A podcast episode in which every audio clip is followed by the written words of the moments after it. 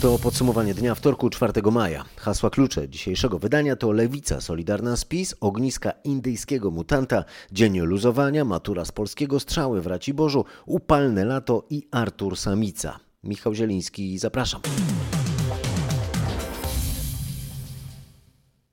Przy poparciu lewicy i sprzeciwie Solidarnej Polski Sejm dał zielone światło Funduszowi Odbudowy, który posłuży do uzyskania z Unii Europejskiej miliardów złotych z Funduszu Odrodzenia Gospodarczego po pandemii. Wieczorem w czasie nadzwyczajnego posiedzenia posłowie wyrazili zgodę na ratyfikację decyzji o zwiększeniu zasobów własnych Unii Europejskiej. Komentarze po tym głosowaniu zebrał nasz reporter Michał Dobrowicz. To było siłowe przegłosowanie dzięki wsparciu lewicy, komentuje Małgorzata Kidawa-Błońska z Koalicji Obywatelskiej. To jest na pewno wielkie ułatwienie dla prezesa Kaczyńskiego, który wie, że w sytuacji, kiedy w jego koalicji jakieś ugrupowanie ma inne zdanie, może liczyć na wsparcie lewicy. I właśnie koalicjant PiSu Zbigniew Ziobro, który wraz ze swoimi współpracownikami zagłosował przeciw ratyfikacji, tłumaczy swoją decyzję tym, że korzyści z unijnego wsparcia nie będą tak duże, jak to jest często przedstawiane. Słyszymy dużo o bezzwrotnej dotacji. Otóż ona jest tak samo bezzwrotna, jak kiedyś e, demokracja ludowa czy socjalistyczna była demokracją. To jest nowomowa unijna i gra słów, która służy zamydleniu oczu ta bezzwrotna dotacja tak naprawdę będzie zwrotna. Ustawą o Funduszu Odbudowy teraz zajmie się Senat. Przypomnę, że aby fundusz został uruchomiony, wszystkie państwa członkowskie Unii muszą ratyfikować decyzję o zwiększeniu zasobów własnych Unii Europejskiej. Co dokładnie będzie się działo dalej po stronie unijnej, kiedy można liczyć na pieniądze? O tym z Brukseli nasza korespondentka Katarzyna Szymańska-Borgino. Jeszcze siedem krajów musi ratyfikować decyzję o zasobach własnych Unii Europejskiej. Czas jest do czerwca, a 13 krajów musi przedstawić swoje krajowe plany odbudowy. Plany te dla każdego kraju z osobna musi zatwierdzić Komisja Europejska, a potem Rada Unii. Jeżeli wszystko pójdzie zgodnie z planem, to w drugiej połowie roku Komisja Europejska może zacząć wypłacać zaliczki. To 13% kwoty, o którą wystąpiły kraje członkowskie. Przypomnijmy, Polska wystąpiła o prawie 24 miliony miliardy euro dotacji, a także 12 miliardów euro pożyczek. Polska mogła uzyskać w formie pożyczek ponad 20 miliardów więcej, ale jeszcze nic straconego. Po pieniądze można sięgnąć do sierpnia 2023 roku, ale trzeba będzie wówczas uzupełnić krajowy plan odbudowy, pokazując na co mają iść dodatkowe pieniądze. Niespełna 2300 nowych przypadków zakażenia koronawirusem. Zmarło 28 osób. To dane z poprzedniej doby podane przez Ministerstwo Zdrowia. Głównym ryzykiem odrodzenia się pandemii, a nawet nadejścia czwartej fali, jest teraz w ocenie resortu rozprzestrzenianie się w Polsce nowych mutacji koronawirusa. Minister Zdrowia ujawnił, że przypadek dyplomaty z Indii, u którego stwierdzono indyjski wariant koronawirusa, nie jest jedynym w naszym kraju. Co więcej, jak powiedział Adam Niedzielski, są już dwa ogniska tej odmiany y, wirusa w naszym kraju. Jak okazuje się, mamy e, kolejne dwa w zasadzie ogniska związane z mutacją indyjską. To jest e, jedno ognisko w okolicach e, Warszawy, a drugie w Katowicach. E, w tej chwili mamy przebadanych 14 próbek z tych dwóch ognisk i te 14 próbek również potwierdza, że to jest mutacja indyjska. Czyli sumarycznie w tej chwili możemy być pewni, że już jest co najmniej 16 przypadków, ale te ogniska, o których mówię pod Warszawą i w Katowicach, to są ogniska obejmujące większą liczbę osób niż te 14 zidentyfikowanych mutacji indyjskich. Tutaj o szczegółach za chwilę powie, e, powie pan e, minister e, Saczka. Bardzo ważne jest to, że musimy szybko wyciągnąć wnioski z tej sytuacji, bo oba ogniska, o których mówię, powstały przy stosowaniu tych procedur przekraczania granicy, które obowiązują w tej chwili, które wymagają wykonania albo pójścia na kwarantannę, albo wykonania w ciągu 48 godzin testu, który oczywiście przy wyniku negatywnym e, zwalnia z takiej kwarantanny. Osoba, która podróżowała z Indii, e, miała wykonany ten test w ciągu 48 godzin po przyjeździe i ten test niestety dał wynik negatywny, dlatego będziemy chcieli zmienić procedury przekraczania granicy w przypadkach tych krajów, gdzie najczęściej występują te mutacje, które stanowią potencjalnie największe zagrożenie. Dlatego w przypadku Brazylii Indii i Republiki Południowej Afryki wszystkie osoby, które będą przyjeżdżały z tych trzech destynacji, będą automatycznie poddawane kwarantannie bez braku możliwości zwolnienia testem wykonanym w ciągu 48 godzin po przyjeździe. Dopiero po siedmiu dniach te osoby będą mogły wykonać test po to, żeby ewentualnie być z kwarantannym e, zwolniony. To jest bardzo ważna zmiana, bo te 7 dni e, jest właśnie tym okresem, kiedy e, wirus powinien się pojawić, kiedy to zakażenie powinno się pojawić na tyle w takiej ilości, mówię tutaj o wirusie, że jest łatwy do zidentyfikowania testem czy PCR-owym, czy antygenowym. Szanowni Państwo, w tej chwili właśnie głównym ryzykiem, głównym zagrożeniem, główną źródłem potencjalnego ryzyka wygenerowania nowej fali są mutacje Dziś rozpoczęło się luzowanie, wraca stacjonarna edukacja dla młodszych klas, wraca handel i kultura. Od dziś rząd znosi kolejne obostrzenia koronawirusowe. W następny weekend mają zacząć działać hotele z limitem połowicznego wypełnienia, ale jak szacuje zakopiańska policja, w miniony długi weekend pod Tatry zjechało 20 tysięcy turystów. Rzecznik zakopiańskiej policji Roman Wieczorek mówi, że policjanci przeprowadzili szereg kontroli, w tym w kilkudziesięciu lokalach gastronomicznych. W sześciu przypadkach ujawniliśmy nieprawidłowości, a zwłaszcza zwłaszcza tutaj muszę podkreślić działające restauracje, w których zastaliśmy kilkadziesiąt osób spożywające posiłki w zamkniętym pomieszczeniu. W naszej ocenie takie działanie e, stwarza niebezpieczeństwo i narażenie życia i zdrowia wielu osób, stąd też nasza decyzja o tym, aby o tym fakcie powiadomić prokuraturę w celu wszczęcia ewentualnego postępowania karnego w tej kwestii. Były też nieprawidłowości w obiektach noclegowych. W jednej ze wsi pod Zakopanem e, kontrolujący obiekt funkcjonariusze stwierdzili, że przebywa tam 18 osób w pięciu różnych pokojach. E, właściciel obiektu przedstawił e, umowy na rzekomy wynajem e, długoterminowy. Te sprawy wszystkie będziemy weryfikowali. Oczywiście te osoby muszą liczyć się z konsekwencjami karnymi. Jedyny przypadek, o którym e, chciałbym wspomnieć, ta impreza, e, która się pojawiła w e, mediach w sobotni wieczór, gdzie kilkadziesiąt osób tańczyło wokół osoby, która grała muzykę, zakończyła się bardzo szybko po naszej interwencji, bo już po 15 minutach osoby się rozeszły, a organizujący tą spontaniczną mini fiestę został ukarany mandatem karnym. W pozostałe dni majówki podobnych zgłoszeń nie było, było bardzo spokojnie, a w niedzielę niedzielną e, noc o pierwszej krupówki już były zupełnie puste, nie wspominając o tym, że dzisiaj rano o siódmej tak naprawdę już też nie było nikogo. Organizator spontanicznej imprezy ukarany, a osoby, które dziś miały ochotę na zakupy w galerii handlowej, mogły to zrobić. Obowiązywał oczywiście reżim sanitarny z limitem jeden klient na 15 metrów kwadratowych plus środki dezynfekujące opinie pierwszych klientów? Są sklepy otwarte, można właśnie przymierzyć, no i jest taka pewność, że pasuje albo nie pasuje. Też kontakt z człowiekiem zupełnie inaczej. Wracamy do normalności, myślę. Lepiej jednak wyjść i samemu zobaczyć, ocenić. Choćby buty zmierzyć, tak, czy ubrania przymierzyć. Jest bardzo dużo ludzi, nawet miejsca parkingowego jest brak przy galerii. Widać, ludzie oszaleli, urzucili się. Mnie akurat to nie przeszkadza, czy były zamknięte, czy nie, ale wielu ludzi no, przeszkadza. To jest nie tylko, że przychodzą i coś kupują, ale do rozrywka dla Skończyła wielu. się też e, nauka zdalna dla uczniów klas 1 do 3. Od dziś w reżimie sanitarnym znów normalnie uczą się w swoich to szkołach. To siedzenie zdalne to nie służy w ogóle tym małym dzieciom. No i tęsknią. Elegancko szczęśliwy. Rano wyciągnął rower i śmigiem tutaj do szkoły. Jest ekstra, bo nie oszukujmy się, my jako rodzice nie nauczymy tak jak nauczyciele w szkole. Lepiej z plasteliny, oceny i śpiewaliśmy. Fajniej niż w domu? Tak, cieszę się. Nareszcie pogram trochę w piłkę, pouczę się. Strasznie mi się podobało. Fajnie się uczyć w szkole, bo tam można się widywać z koleżankami i kolegami. Córka troszkę nie bardzo wolała w domu z mamą. Ale pani zadowolona. No ja oczywiście, że tak, w spokoju. Kawę ciepłą można było wypić. Luz blues. W reżimie sanitarnym również już dziś mogły otworzyć się muzea i galerie sztuki. Nasza dziennikarka Katarzyna Sobiechowska-Szuchta przejrzała plany placówek w Warszawie. Łazienki Królewskie dziś ponownie otwierają się dla zwiedzających. Aż do niedzieli zwiedzanie muzeum będzie bezpłatne. Można zajrzeć m.in. do Pałacu na Wyspie i do Białego Domu z wystawą czasową Piękne Przedmioty. W Narodowej Galerii Zachęta można zajrzeć z kolei do podziemnego lasu. Rajzopolis to głośny projekt Joanny Rajkowskiej.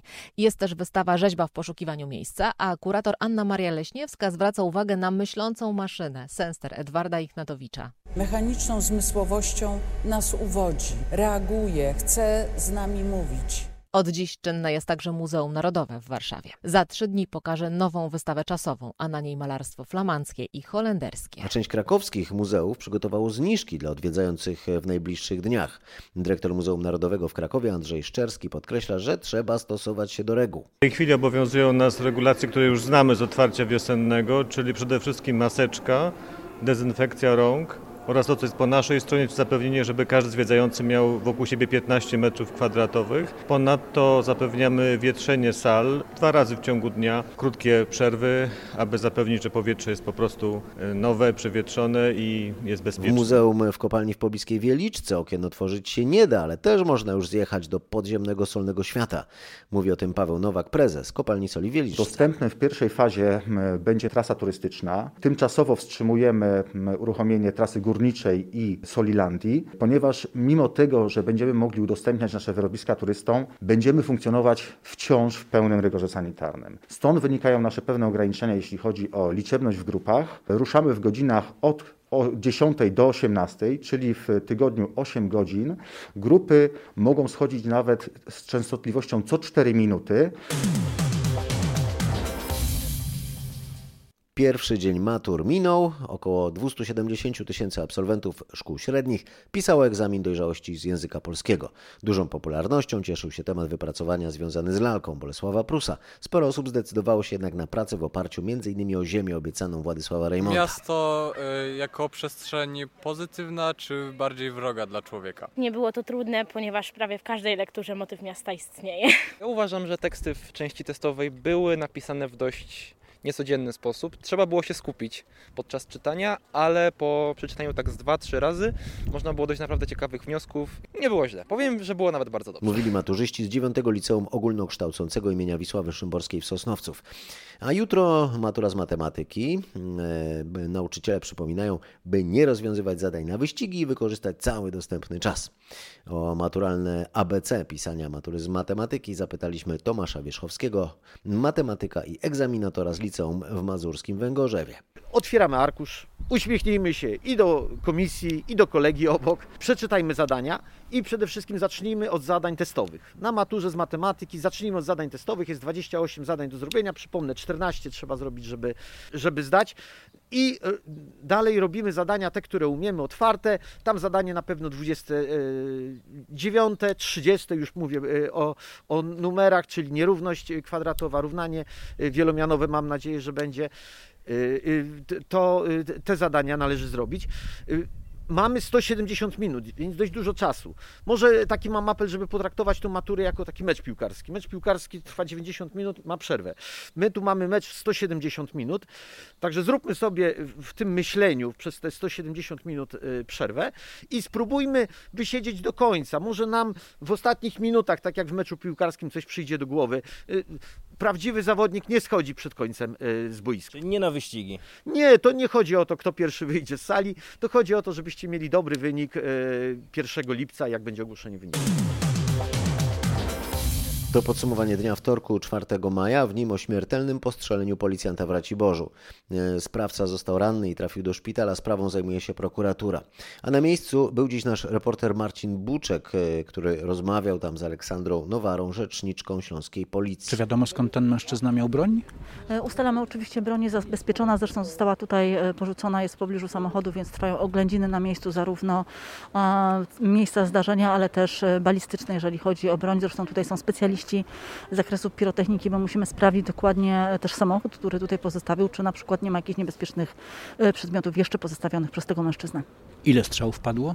E, na razie nie chciałabym mówić o ilości strzałów, bo przede wszystkim trwają badania oględziny, e, zarówno zwłok, o czym bardzo trudno mi mówić, ale przede wszystkim zwłoki policjanta, no i będziemy analizować, sprawdzać, dopiero wtedy będziemy mogli e, podać, ile strzałów padło. Wezwano Was tutaj, bo zachowanie tego mężczyzny budziło niepokój? Przede wszystkim pojawiły się takie sprzeczne informacje w mediach o tym, że to była rutynowa kontrola drogowa, albo też, że zatrzymywaliśmy poszukiwanego, że to były zaplanowane działania. Absolutnie dementuję tą wersję. No mieliśmy zgłoszenie dzisiaj z dwóch miejsc o tym, że jest mężczyzna, który najprawdopodobniej może prowadzić samochód pod wpływem alkoholu bądź narkotyków, bo dziwnie się zachowuje. A drugie zgłoszenie właśnie z tego miejsca, gdzie doszło do tragedii o mężczyźnie, który kontroluje samochody, wychodzi e, ze swojego samochodu, jest w mundurze, być może policyjnym, no i wtedy kontroluje, tamuje ruch. Dlatego policjanci podjęli, najpierw pojechali na stację benzynowej, gdzie było pierwsze e, zgłoszenie, tamtego mężczyzny już nie było, przyjechali, tu był. Potwierdzili, że to on, bo odpowiadał rysopisowi. Widzieli, że ten samochód tutaj jest zaparkowany, bo rzeczywiście był. Podjęli interwencję. Kiedy mężczyzna miał dać policjantom dokumenty, sięgnął po broń i strzelił do policjanta. Teraz informacje ze świata. Komisja Europejska zawiesza starania o ratyfikowanie przez państwa Unii Parlament Europejskiej umowy inwestycyjnej zawartej pod koniec zeszłego roku z Chinami. Wiceprzewodniczący Komisji Waldis Dombrovskis wyjaśnił, że warunki polityczne są do tego teraz nieodpowiednie. Chodzi o wzajemne sankcje nałożone po sprzeciwie Unii m.in. wobec masowych obozów dla Ujgurów. Na początku roku część krajów Unii, w tym Polska, Włochy i Hiszpania, skrytykowało przewodniczącego Rady Europejskiej Charlesa Michela Niemcy i Francję za przyspieszenie trwających od siedmiu lat prac nad umową tak, by została ona uzgodniona jeszcze w czasie sprawowania prezydencji unijnej przez Niemcy. Wskazywano, że ze stroną chińską powinni rozmawiać szefowie unijnych instytucji, a nie kanclerz Niemiec i prezydent Francji. W Teheranie zginęła pierwsza sekretarz ambasady Szwajcarii, kraju, który reprezentuje w Iranie interesy Stanów Zjednoczonych. Irańskie media podają, że ciało znalazł ogrodnik pod oknem jej mieszkania. Irańskie służby ratunkowe podały, że przyczyny wypadku nie są jeszcze znane, ale szwajcarskie Ministerstwo Spraw Zagranicznych ogłosiło, że kobieta wypadła z okna i że był to wypadek. Melinda i Bill Gatesowie rozwodzą się po 27 latach małżeństwa. Para deklaruje, że będzie dalej współpracować w ramach swojej fundacji. Jednocześnie w oświadczeniu zamieszczonym w mediach społecznościowych zaznacza, że przestali już wierzyć, iż mogą nadal wspólnie wzrastać jako para w kolejnych etapach życia. Gatesowie wychowali trójkę dzieci. W dokumencie rozwodowym napisali, że porozumieli się w sprawie podziału majątku. Szczegóły jednak nie zostały ujawnione. 66-letni Gates to jeden z najbogatszych ludzi na świecie. Jego fortuna według magazynu Forbes sięga niemal 130 miliardów dolarów. A teraz wieści o firmie kontrolowanej przez najbogatszego człowieka na świecie, Jeffa Bezosa, którego majątek sięga 200 miliardów dolarów. Brytyjski dziennik The Guardian opublikował dokumenty przesłane do urzędu w Luksemburgu przez firmę Mason, która właśnie tam ma swoją europejską siedzibę. Wynika z nich, że firma zapłaciła w Luksemburgu zero podatków w zeszłym roku, mimo że ze swoich sklepów internetowych w Wielkiej Brytanii, Niemczech, Włoszech, Hiszpanii, Holandii Szwecji uzyskała przychód w wysokości 44 miliardów euro. Firma, która ma portal handlowy teraz również w Polsce, zapewnia, że płaci podatki zgodnie z prawem, że ta sprzedaż to mało zyskowny interes, a ponadto, że inwestuje w Europie ogromne pieniądze. Czesi już nie muszą przy wjeździe do Niemiec mieć aktualnego i negatywnego wyniku testu na koronawirusa. Kraj nie jest już uznawany za obszar wysokiego ryzyka. E, nasza reporterka Aneta Łuczkowska i pytanie, co dalej z Polską. Czy jest szansa na zniesienie obostrzeń w Niemczech? Szansa jest i to w mojej ocenie duża. Takiej decyzji można spodziewać się już na koniec tego tygodnia. Listę krajów uznawanych za obszary ryzyka, wysokiego ryzyka lub obszary występowania groźnych mutacji koronawirusa ustala Instytut Roberta Kocha. Obszary wysokiego ryzyka to te, gdzie w ciągu ostatnich siedmiu dni na 100 tysięcy mieszkańców przypadało ponad 200 nowo zarażonych osób. Dla Polski ten wskaźnik wynosi prawie o połowę mniej. W tym tygodniu spodziewane jest też uchwalenie przepisów, które zniosą obowiązek wykonywania testów i odbywania kwarantanny dla osób w pełni zaszczepionych lub tych, które przechorowały COVID w ciągu 6 miesięcy. Ma to dotyczyć też podróżnych z Polski. Prace nad europejskim paszportem covidowym trwają. Coraz więcej wskazuje na to, że w wakacje będzie można podróżować normalnie. Dlatego wrócę teraz do tematu workation, czyli pracowakacji covidowej powszechnej praktyki w Stanach Zjednoczonych. Nie bierzesz urlopu, ale wyjeżdżasz za zgodą pracodawcy gdzieś nad morze, w góry, lasy i stamtąd pracujesz. Rzecznik prasowy Personal Service Monika Banyś mówi, że według badań w Polsce trzech na czterech ankietowanych chciałoby również łączyć pracę z wakacjami. Oczywiście ciepły klimat czy spacer po plaży w czasie przerwy na lunch brzmią super, ale rzeczywistość, szczególnie od strony prawnej, już nie wygląda tak kolorowo, dlatego że pytanie, co się stanie w momencie, kiedy dojdzie do wypadku na takim wyjeździe, który łączymy z pracą, albo co jeżeli połączymy się z siecią internetową, która nie będzie w odpowiedni sposób zabezpieczona i narazimy naszą firmę na ryzyko utraty danych. To są kwestie, które zdecydowanie trzeba y, uregulować. Mm, I tak jak na przykład w Europie te regulacje są y, zbliżone, tak już jeżeli pojedziemy dalej, to trzeba się zdecydowanie upewnić, jakie zasady obowiązują w danym kraju, żeby się na żadnego typu ryzyko nie narazić nie narazić też naszej firmy na żadne e, ryzyko. Na razie zakochaliśmy się w pracy zdalnej. Najnowsze badanie Polskiej Agencji Rozwoju Przedsiębiorczości pokazuje, że po pandemii niechętnie będziemy wracać, zwłaszcza do pracy biurowej. Krzysztof Berenda o tym, jak to wygląda w konkretach. Jeżeli ktoś jest szefem i chce, by jego pracownicy czuli się dobrze, to powinien zaproponować załodze pracę hybrydową, czyli kilka dni pracy z domu, kilka z biura. To, jak wynika z ankiety, uznajemy za najzdrowsze rozwiązanie, bo nie trzeba tracić czasu na dojazdy, nie trzeba stać w korkach, można być bliżej rodziny, można unikać stresu. Taką formę pracy za najlepszą uznaje 42% badanych pracowników, 31% woli częściej pracować z domu, a do biura przychodzić tylko sporadycznie, 16% wybiera wyłącznie pracę zdalną. Jest jednak grupa, 12% Polaków, którzy opowiadają się wyłącznie za pracą biurową. Dlaczego? No bo wiele osób mówi, że samotna praca z domu niszczy więzi międzyludzkie, powoduje poczucie izolacji, co też nie jest dla nas najzdrowsze. A tu w całej południowej części Europy szykuje się wyjątkowo upalne lato. E, ma to również dotyczyć południowej części Polski. Tak przynajmniej zapowiadają francuscy synoptycy. Według ich najnowszych prognoz rekordy temperatury na naszym kontynencie mogą paść w czerwcu i lipcu, o czym z Paryża Marek Ładysz. Według przewidywań Państwowego Instytutu Meteorologicznego Meteo France w Paryżu, całe lato będzie prawdopodobnie bardzo słoneczne w południowej części Europy, w tym w Hiszpanii, na francuskiej Rivierze, we Włoszech, w Grecji, Bułgarii, Rumunii i Chorwacji. Wakacje na plażach tej części kontynentu mogą się więc okazać według francuskich synoptyków strzałem w dziesiątkę. Według nich upałów można się również spodziewać w południowej części Polski. W czerwcu i lipcu średnia temperatura będzie na południu Europy wyższa niż w poprzednich latach. W sierpniu natomiast pogoda będzie również dopisywać urlopowiczom, choć rekordów bić już nie będzie będzie. Na koniec jeszcze sprawdźmy, co słychać u sławnego bociana z poznańskiej Śródki. Cała Polska usłyszała o nim zimą, kiedy to ptak zadomowił się w mieście i niemal każdego poranka przychodził na przystanek tramwajowy. Wiadomo było, że bocian może nie przetrwać silnych mrozów, z pomocą przyszli więc pracownicy poznańskiego zoo. Teraz, jak informuje nasz reporter Mateusz Chwystun, bociek wrócił na wolność. Zanim wzbił się w powietrze, został zmierzony, zważony, spisano też numery jego obrączek. Ostatnie dni obserwacji bociana przebiegały pod okiem ornitologa z Uniwersytetu Przyrodniczego w Poznaniu. Kondycja ptaka była na tyle dobra, że mógł wrócić na wolność. Został wypuszczony z dala od miasta, w terenie, który wiosną umożliwia mu już na przykład poszukiwanie pokarmu w naturalnych źródłach. Początkowo bocianowi nadano imię Artur na cześć pracownika zoo, który go uratował, ale w trakcie pobytu w azylu okazało się, że to samica. Imię zmieniono więc na Archie. Na filmie opublikowanym przez pracowników zoo widać, że rekonwalescent przed odlotem jest bardzo spokojny i przez dłuższą chwilę przygląda się swoim opiekunom, nie zamierzając ich wcale opuszczać. Ostatecznie decyduje się jednak na lot. Archie odleciała, minęły 24 minuty podsumowania ostatnich 24 godzin. Kolejne podsumowanie dnia jutro zapraszam już teraz. Do usłyszenia.